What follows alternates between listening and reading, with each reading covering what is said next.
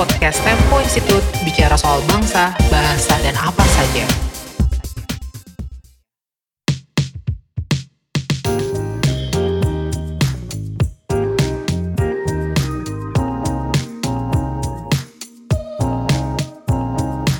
Halo semuanya, perkenalkan nama saya Gita Putri Damayana. Saya peneliti di Pusat Studi Hukum dan Kebijakan Indonesia atau PSAK dan pengajar di Sekolah Tinggi Hukum Indonesia Jentera. Selamat datang di Utara, podcast dari Tempo Institute, tempat kita berbincang tentang bangsa, bahasa, dan apa saja. Bersama saya di sini adalah Berry Juliandi. Tadi saya tanya mintanya dipanggil apa, katanya Mas aja, Mas Berry atau Dr. Berry Juliandi, neuroscientist molekuler dari Institut Pertanian Bogor atau IPB. Nah, untuk perkenalan gini, boleh Mas Berry mengenalkan diri dulu? Ya, tadi seperti sudah diperkenalkan, saya Berry Juliandi, dosen dari Departemen Biologi FMIPA Institut Pertanian Bogor. Bidang keahlian saya tentang neuroscience, terutama bagian molekuler. Dan senang sekali hari ini bisa bertemu sama Mbak Gita untuk podcast hari ini. Nah, di sesi ini kita membahas mengenai ekosistem penelitian Indonesia yang segmennya pertama mengenai kelembagaan, yang kedua itu mengenai pendanaan. Nah, tapi sebelumnya Mas Beri, supaya kita semua ada di halaman yang sama, bagaimana seharusnya seseorang itu, orang Indonesia terutama ya, memberi makna mengenai riset dan penelitian? Ya, kita sudah melihat ya banyak negara di dunia ini sebetulnya bisa maju itu karena mereka menguasai riset dan teknologi. Jadi investasi untuk mengarahkan pendidikan, masalah sosial, masalah hukum dan lain-lain untuk menunjang adanya riset yang sangat maju di Indonesia itu merupakan investasi yang sudah niscaya harus dilakukan oleh Indonesia dan selama ini ini mungkin belum terlihat ya dari kebijakan pemerintah maupun dari arah pembangunan negara. Jadi jika itu sudah menjadi suatu prioritas di negara kita, saya yakin negara kita akan maju. Oke, nah sebelum kita sampai ke soal investasi yang bisa kita kutip ya angka-angkanya, kita bicara dulu mengenai lagi-lagi ketika kita bicara riset itu aktor-aktornya sebetulnya siapa saja dalam riset dan penelitian. Ya aktor-aktornya kalau dalam uh, ekosistem riset itu bisa kita lihat yang pertama adalah aktor untuk pendidikan ya. Hmm. Pendidikan untuk mendidik sumber daya manusia atau mendidik tentang bagaimana riset itu seharusnya dilaksanakan. Nah ini peran ini biasanya dilakukan oleh universitas. Ya. Hmm. Lalu aktor lainnya misalnya yang bergerak dalam bidang penelitian. Ini juga bisa dilakukan oleh peneliti-peneliti baik di universitas sambil dia mendidik sumber daya manusia yang dititipkan atau sedang belajar di hmm. universitas tersebut atau oleh peneliti di pusat-pusat studi seperti Bagita gitu kan dan teman-teman atau peneliti-peneliti yang ada di misalnya LIPI. Atau lembaga-lembaga penelitian lainnya. Nanti juga ada kan aktor untuk bidang peng kajian dan hmm. juga penerapan misalnya selama ini kita punya namanya BPPT. Oh. Lagi ada aktor juga untuk memberi masukan mengenai arah riset yang selama ini sudah dilakukan misalnya kalau untuk Kemenristek Dikti mm-hmm. itu dilakukan oleh Dewan Riset Nasional mm-hmm. atau kalau untuk negara atau pemerintahan itu dilakukan oleh Akademi Ilmu Pengetahuan Indonesia. Jadi sebetulnya aktor-aktornya banyak sekali. Oh oke, okay. jadi kalau saya nggak salah tangkap tadi ya, jadi ada yang sifatnya individual yang biasanya fungsi-fungsi itu melekat di individunya yang ada di kampus atau ada di kementerian dan ada di lembaga-lembaga, tapi ada juga aktor yang merupakan institusi seperti tadi BPPT, kampus dan sebagainya. Betul gitu. Iya, betul. Nah, kemudian dalam pembagian peran-peran di aktor-aktor tersebut ya, dari yang individu, yang institusi itu yang menurut Mas Berry perlu lebih banyak penekanannya ya, perlu lebih banyak itu untuk membangun dunia riset Indonesia itu ada di mana? Saya rasa dari semua peran tadi harus dioptimalkan ya. Hmm. Jadi selama ini mereka sudah berperan sesuai dengan tupoksinya masing-masing. Namun yang menjadi masalah kadang-kadang suka terjadi tumpang tindih peran. Jadi antar satu aktor dengan aktor lainnya. Di Indonesia ini permasalahannya adalah di tata kelola daripada pembagian peran tersebut. Hmm. Bagaimana seseorang atau suatu institusi bisa membatasi atau bisa mengerjakan apa yang memang menjadi mandat utamanya dari seseorang atau institusi itu. Oh, nah kalau misalnya kita bicara mengenai tantangan di kelembagaan riset ya, itu ada tantangan yang dihadapi oleh peneliti secara individual ketika dia ingin melakukan riset atau tantangan yang dihadapi oleh institusi tempat si peneliti tersebut bernaung gitu. Mas Berry sebagai peneliti yang ada di lingkup kampus ya, melihat tantangan itu seperti apa? Ya, jadi kalau saya melihat peneliti di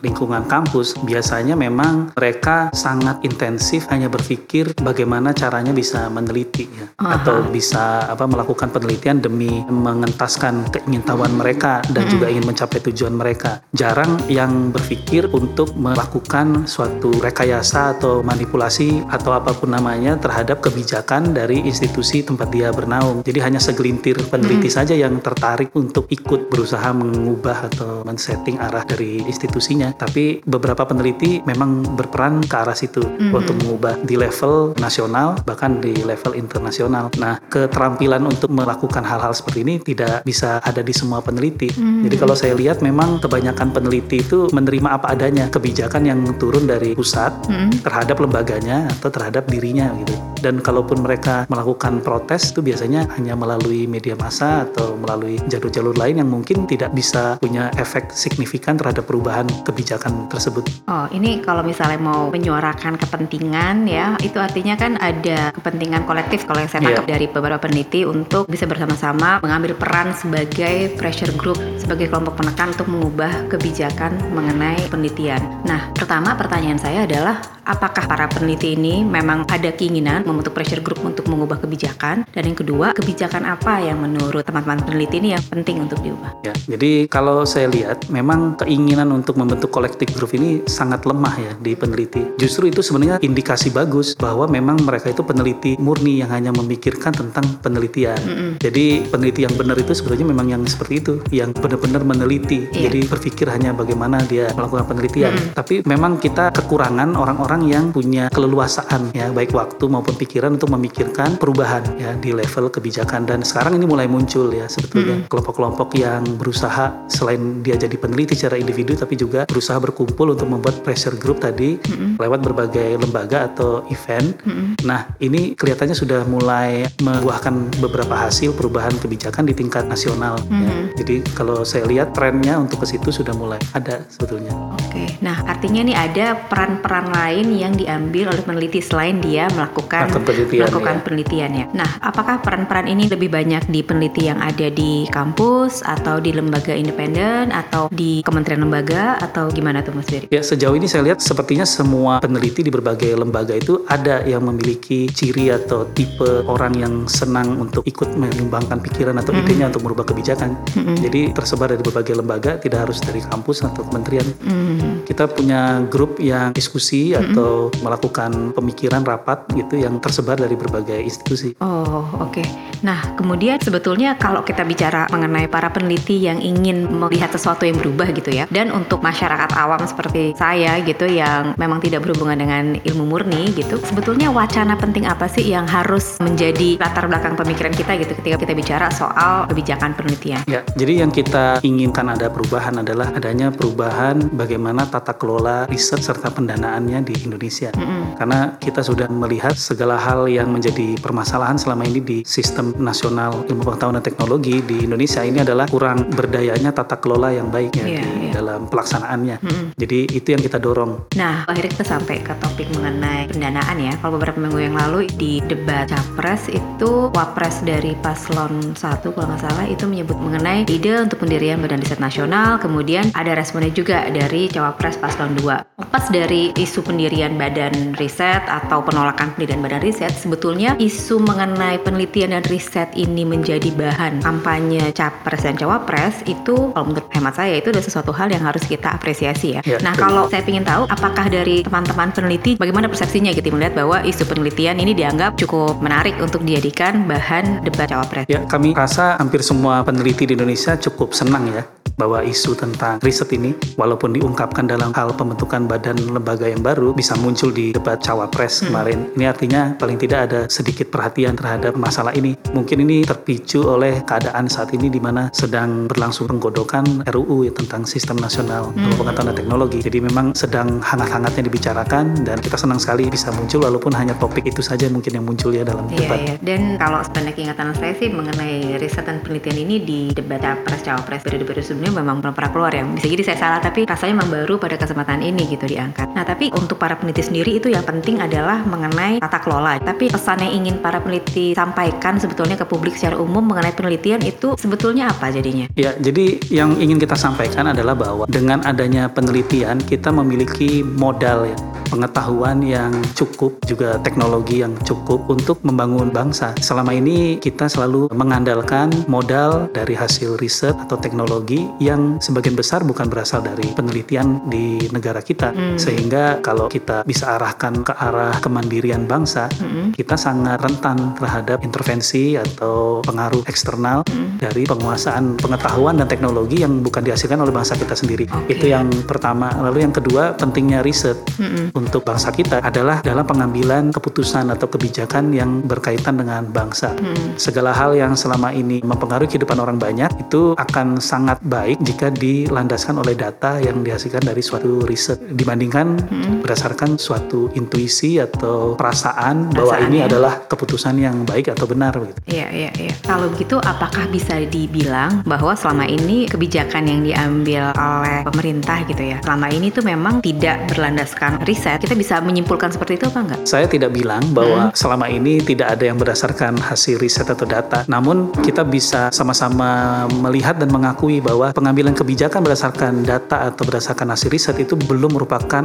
arus utama. Keywordnya itu arus utama iya, jadinya ya? Bukan merupakan arus utama dalam pengambilan keputusan atau penentuan kebijakan selama ini. Tapi sudah ada beberapa yang berdasarkan hasil riset. Ya. Iya. Nah kalau begitu, kalau misalnya kita kembali lagi ya mengenai soal isu penelitian ini yang diangkat di debat capres cawapres ya itu kan yang dibahas pendanaan ya yang disebutkan mengenai pembentukan lembaga itu ya yeah. oleh cawapres ya nah kalau mau bicara mengenai pembentukan kelembagaan sebetulnya argumentasinya itu biasanya adanya penolakan karena tambah lembaga artinya tambah anggaran lagi gitu tapi di sisi lain argumennya kalau misalnya tidak ada lembaga lembaga baru ada koordinasi yang terabaikan gitu kalau posisi Mas Berry sendiri dan mungkin teman-teman Almi ya soal ini bagaimana? Ya jadi kami melihat sebetulnya semua fungsi itu sudah ada lembaga atau aktor yang menangani hmm. dalam keadaan yang saat ini. Jadi yang kita perlukan saat ini bukan suatu lembaga baru hmm. karena yang menjadi masalah adalah tadi kata kuncinya adalah tata kelola dari lembaga-lembaga atau aktor-aktor yang ada selama ini hmm. untuk benar-benar menjalankan fungsinya masing-masing. Hmm. Jadi ide pembentukan badan lembaga baru untuk riset ini walaupun masih belum jelas hmm. bagaimana tugas pokok dan fungsinya, namun nampaknya akan kontraproduktif dengan hmm. ekosistem riset yang ingin kita bangun mm-hmm. yang berbasis terhadap keterbukaan, kompetisi dan juga semangat kebebasan ya. Mm-hmm. Karena dengan adanya lembaga baru ini yang kita dengar akan menjadi semacam lembaga yang sangat kuat, mm-hmm. dia bisa menentukan arah riset, dia mengatur pendanaan, dia juga bisa memberikan berbagai pertimbangan ke berbagai pihak, maka ini akan kurang bagus mm-hmm. untuk pengaturan atau kontrol yang selama ini sebetulnya sangat kita perlukan karena dengan adanya satu lembaga yang mengatur semua hmm. maka akan sulit bagi lembaga lain untuk saling kontrol. Gitu. Oh, okay. Jadi kita lebih menekankan adanya optimalisasi atau perbaikan tata kelola lembaga yang sudah ada dibanding membuat lembaga baru yang super body atau power. Okay. Ini saya masih ada satu pertanyaan lagi, tapi kita break dulu sebentar, baru kita bisa lanjut untuk segmen kedua mengenai pendanaan.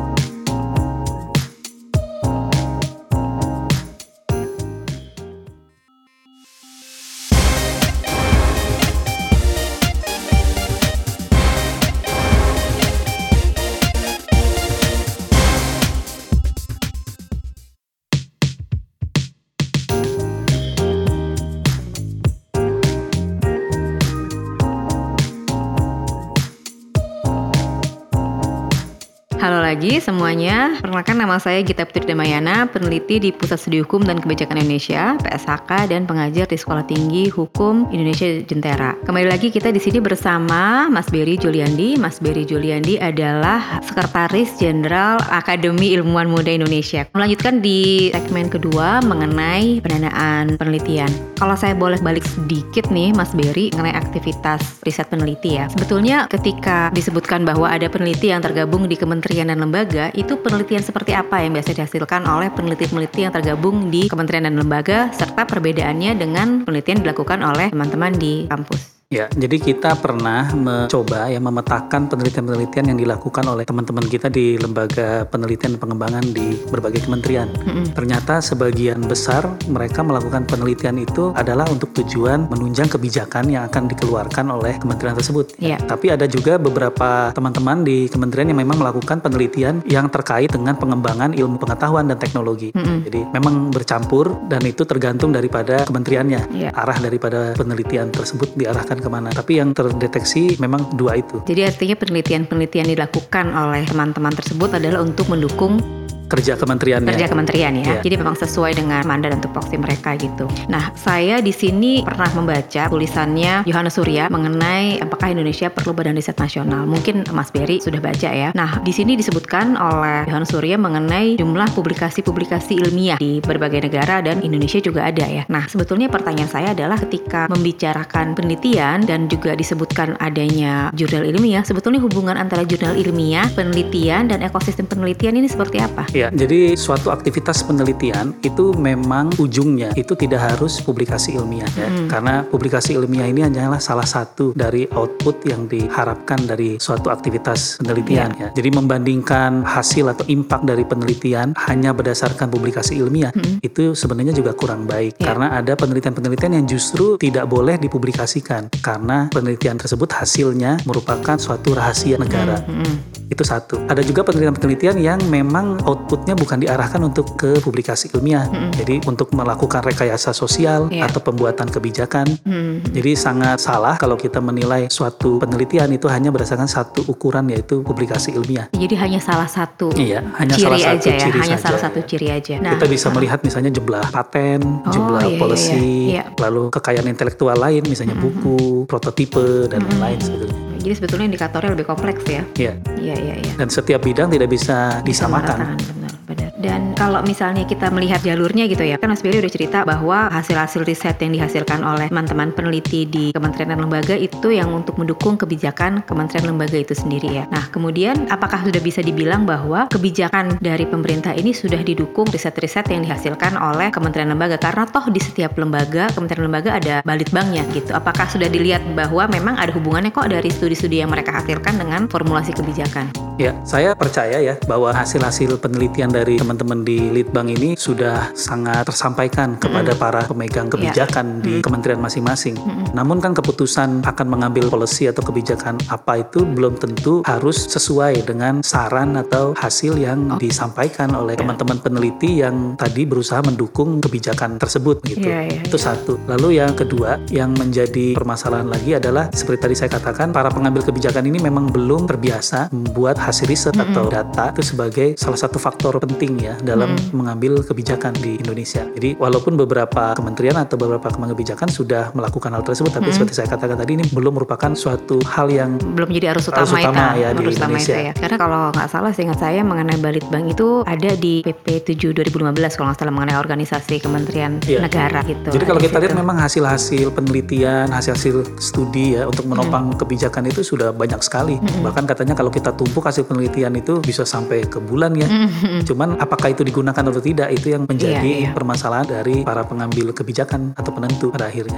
Nah ini apakah studi-studi yang dihasilkan oleh teman-teman di Kementerian Lembaga ini itu kan di pemerintah pusat ya? Kalau di pemerintah daerah sendiri itu apakah petanya kurang lebih sama? Kira-kira sama saya rasa. Kira-kira sama Karena ya? ini masih merupakan ciri ya daripada sistem nasional Mm-mm. iptek di Indonesia bahwa kita menghasilkan suatu pemikiran, pemikiran itu mungkin bagus, tapi apakah terpakai atau Iya. digunakan oleh para pengambil kebijakan itu yang masih merupakan tanda tanya. Tanda tanya ya. Nah, tadi Mas Berry juga pas di awal ya udah- sudah menyebutkan mengenai pentingnya tata kelola. Nah, kalau misalnya saya nggak salah, bisa jadi saya keliru ya, bahwa itu Presiden Joko Widodo sempat menyebutkan bahwa ada angka budget untuk penelitian yang ada di APBN itu angkanya mencapai triliunan. Iya. Nah, sementara di sisi lain para peneliti melihat bahwa pemerintah ini belum mengadopsi kebijakan berbasis penelitian berbasis riset. Tapi di sisi lain angkanya itu nggak tahu menurut saya itu angkanya itu besar sekali 24 triliun gitu. Kalau menurut pendapat Mas Berry sendiri bagaimana? Ya, jadi angka 24 triliun itu sebetulnya adalah anggaran kotor untuk Oh. kegiatan riset. Iya. Yang dipakai untuk kegiatan kegiatan risetnya itu sebetulnya kan hanya 43 persen. Jadi hmm. 50 hampir 57 persen yeah. dari dana yang disebutkan 24 atau sampai hmm. 25 triliun itu itu dipakai untuk belanja operasional, belanja modal dan untuk kegiatan manajemen ya iya. sehari-hari. Yeah. Jadi hmm. sebetulnya lebih sedikit lagi dari 24 lagi, triliun 24 itu triliun. yang dipakai untuk risetnya. Tapi problem yang kita soroti itu sebetulnya bukan di besaran hmm. dananya karena yang kita lihat yang menjadi masalah adalah bagaimana dana tersebut dikelola. Jadi lagi-lagi kata kuncinya itu tata kelola dari pendanaan. Yeah. Karena kita melihat yang menjadi kunci daripada kekhawatiran adalah bahwa jika pendanaan ini tidak dibuat supaya diperebutkan atau dikompetisikan hmm. untuk dipakai, yeah. maka kecenderungan untuk memakai dana penelitian ini apa adanya hmm. itu sangat tinggi. Bisa dibilang selama ini itu yang mungkin terjadi di yeah. berbagai kementerian. Dana untuk penelitian ini turun tanpa suatu kompetisi. Jadi turun langsung sebagai anggaran dari kementerian tersebut dan para peneliti di lembaga-lembaga ini bisa melakukan penelitian menggunakan dana tersebut tanpa harus berkompetisi. Oke, okay. ini kita ngomongin penelitian tapi kita ngomongin kompetisi juga ya. Yeah. Nah, ini saya belum tahu gambarannya seperti apa. Apakah kalau alur melakukan penelitian di kementerian dan lembaga dan alur melakukan penelitian di universitas. Ini jadi ketika Mas Berry berbicara soal kompetisi, mengkompetisikan budget ya untuk yang digunakan untuk penelitian. Jadi sebenarnya alurnya bagaimana untuk mengakses budget ya, penelitian Jadi kalau ini? kita melihat sekarang budget untuk riset tadi yang mm -hmm. 24 triliun ya, hampir 25 yeah. triliun itu, ini kan sudah dibuat pembagiannya ke lembaga-lembaga atau kementerian. Yeah. Nah, nanti merupakan kebijakan dari lembaga-lembaga tersebut bagaimana dana untuk penelitian ini bisa diakses. Mm -hmm. Nah, selama ini yang kita ketahui sebagian besar kementerian itu mengalokasikan langsung budget untuk penelitian ini ke para penelitinya. Jadi peneliti okay. tidak perlu berkompetisi mm -hmm. sesama peneliti lain yeah. untuk memakai dana tersebut karena ini sudah merupakan dana yang dedicated untuk kementeriannya. Okay. Tapi misalnya seperti Kementerian Riset Teknologi dan Pendidikan Tinggi yeah. mengambil kebijakan bahwa dana yang dipakai untuk penelitian yang mereka terima dari negara mm -hmm. ini dikompetisikan mm -hmm. dalam bentuk call ya untuk proposal yeah. penelitian lalu diadakan seleksi mm -hmm. dengan para kolega yang yeah. sejawat sehingga terpilihlah penelitian-penelitian yang memang dianggap layak untuk didanai. Oke, jadi di, artinya ini di Kemenristek Dikti seleksi itu tapi hanya untuk pegawai Litbang di Kemenristek Dikti artinya? Iya, lembaga-lembaga yang dinaungi oleh Kemenristek Dikti. Okay. Walaupun mereka bisa bekerja sama dengan lembaga lain. Dengan lembaga lain. Ya. Oke. Okay. Di Kementerian Pertanian juga terjadi hal yang hmm. hampir sama, hmm. walaupun mereka punya dana yang sudah teralokasikan untuk Kementerian Pertanian, nah. tapi mereka juga membuka kesempatan proposal dari kementerian lain atau peneliti dari lembaga lain hmm. untuk melakukan penelitian yang bekerja sama dengan peneliti di Kementerian Pertanian. Tapi lagi-lagi outputnya ketika berbicara penelitian di kementerian lembaga itu artinya semua penelitian yang mendukung kebijakan, ya, kebijakan ya artinya dari ya. Kementerian tersebut. Jadi memang bukan ilmu dasar gitu. Ya sebagian besar sebagian harusnya besar. begitu. Oh, nah, okay. Tapi yang kita dorong sebetulnya adalah bagaimana adanya suatu lembaga pengelola dana mm-hmm. yang independen. Jadi mm-hmm. lembaga pengelola dana yang independen inilah yang mengatur bagaimana suatu penelitian mm-hmm. harus berkompetisi dengan penelitian lain regardless atau tanpa melihat berasal dari lembaga atau kementerian mana si pengusul. Sehingga jika memang penelitian itu baik mm-hmm. atau sesuai dengan arahan yang telah ditetapkan mm-hmm. untuk arah penelitian dari negara kita, yeah. maka si lembaga pendanaan independen ini yang akan memberikan dana. Oh. Jadi setiap kementerian belum tentu bisa mengamankan dana penelitian seperti sekarang, tapi ada kompetisi sehingga memang benar-benar penelitian yang baik mm-hmm. yang didanai. Nah, iklim ini akan menciptakan adanya atau munculnya ide-ide penelitian yang mungkin sangat mutakhir mm-hmm. dan tidak pernah terpikirkan sebelumnya jika dana itu sudah tanda kutip aman bisa dipakai oh. setiap tahunnya. Nah, ini Mas Berry udah jauh banget nih ngegasnya, yeah. sementara saya masih gigi satu gitu. Nah, kalau misalnya menurut Mas Berry dan teman-teman di Almi gitu ya, penting adanya kompetisi untuk peneliti yang ada akses ke dana penelitian. Akses ke dananya ya, ke dana penelitian dari kementerian lembaga. Apakah hal ini merta memperbaiki kualitas penelitian di Indonesia secara umum? Maksud saya kesimpulan yeah. sampai ke situ tuh bagaimana prosesnya gitu? Ya, kita melihat di bidang mana pun mm -hmm. adanya kompetisi itu tentu akan meningkatkan kualitas daripada kegiatan mm -hmm. ya. Karena setiap orang akan berlomba-lomba untuk menjadi yang terbaik. Nah, mm -hmm. dengan adanya kompetisi ini juga menjamin keterbukaan bagaimana mm -hmm. suatu penelitian itu kok bisa didanai dan yeah. apa urgensinya gitu. Jika memakai sistem yang sekarang, mm-hmm. setiap kementerian sudah memiliki alokasi dana, ada hanya kompetisi juga kompetisi terbatas. Kami merasa bahwa arah keperbaikan kualitas itu mungkin akan lambat kalaupun terjadi. Oh, oke. Okay. Jadi kalau begitu perubahan yang ingin dilihat oleh Mas Berry dan teman-teman peneliti di Almi mengenai tata kelola di ekosistem penelitian Indonesia itu adalah pembentukan lembaga pendanaan lembaga pendanaan independen ya, bukan Badan Riset Nasional ya. Bukan. Itu jadi detailnya adalah pelembagaan itu seperti apa jadinya Mas Berry? Jadi lembaga ini sebetulnya bukan suatu konsep yang baru ya, hmm. lembaga pendanaan independen karena di hampir semua negara yang kegiatan risetnya maju punya lembaga-lembaga seperti ini. Jadi dia sebenarnya lembaga pemerintah yang memegang semua dana penelitian dan mengelolanya gitu. Hmm. Tentu saja arahan mengenai dana ini akan dibuat atau dibelanjakan ke riset yang seperti apa itu adalah tugas dari lembaga lain yang menentukan arah riset. Tapi dengan adanya lembaga pengelola independen ini, maka kita menjamin bahwa setiap orang atau setiap lembaga memiliki akses yang sama terhadap budget riset dan karena dia berkompetisi, maka setiap orang akan berlomba-lomba mengajukan proposal penelitian atau riset yang memang mutakhir dan berkualitas. Nah, ini mungkin pertanyaan terakhir dari saya ya. Ketika Mas Berry itu menyebutkan independensi ya, itu artinya kan harus ada proses yang menjamin individu-individu yang terlibat untuk memberikan para pihak itu akses ke dana riset ini itu bebas dari kepentingan, bebas dari konflik of interest. Ini bagaimana memastikan ini Mas Berry? Ya, jadi seperti yang sudah kita lihat prakteknya terjadi di negara lain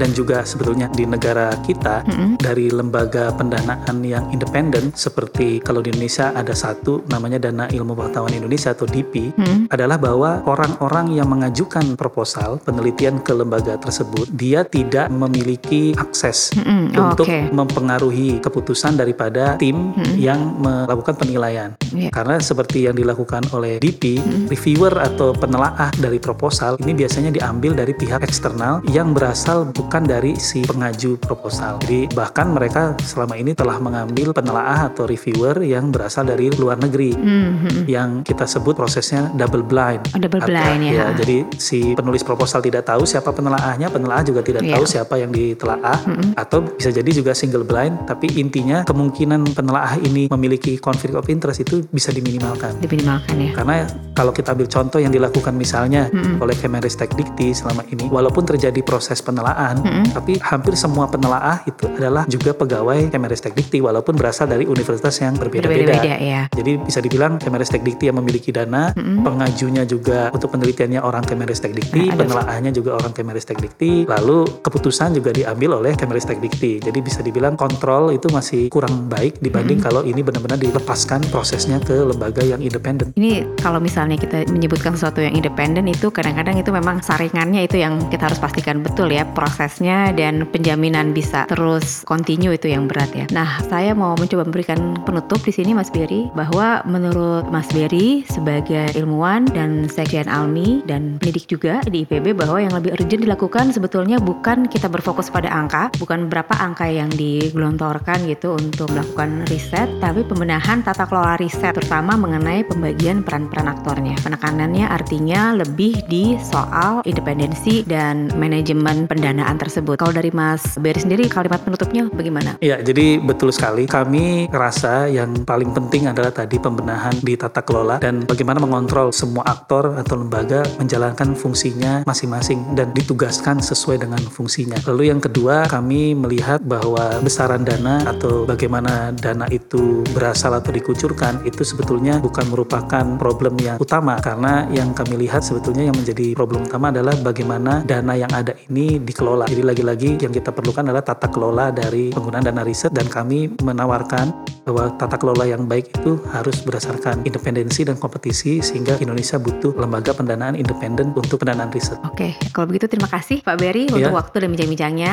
di Podcast Utara bersama Tempo Institute. Terima kasih. Kita telah berdialog bersama Sekretaris Jenderal Akademi Ilmuwan Muda Indonesia, Berry Juliandi tentang kelembagaan dan pendanaan riset. Podcast Utara ini dipersembahkan oleh Tempo Institute Center for Excellence Journalism. Anda bisa akses informasi lengkap podcast ini di website Tempo Institute. Pastikan Anda mengikuti setiap episode Podcast Utara dengan follow channel kami di Spotify dan Anchor. Podcast ini juga ditayangkan di kanal video.tempo.co dan YouTube Tempo Institute. Saya Gita Putri Damayana, terima kasih telah mendengarkan.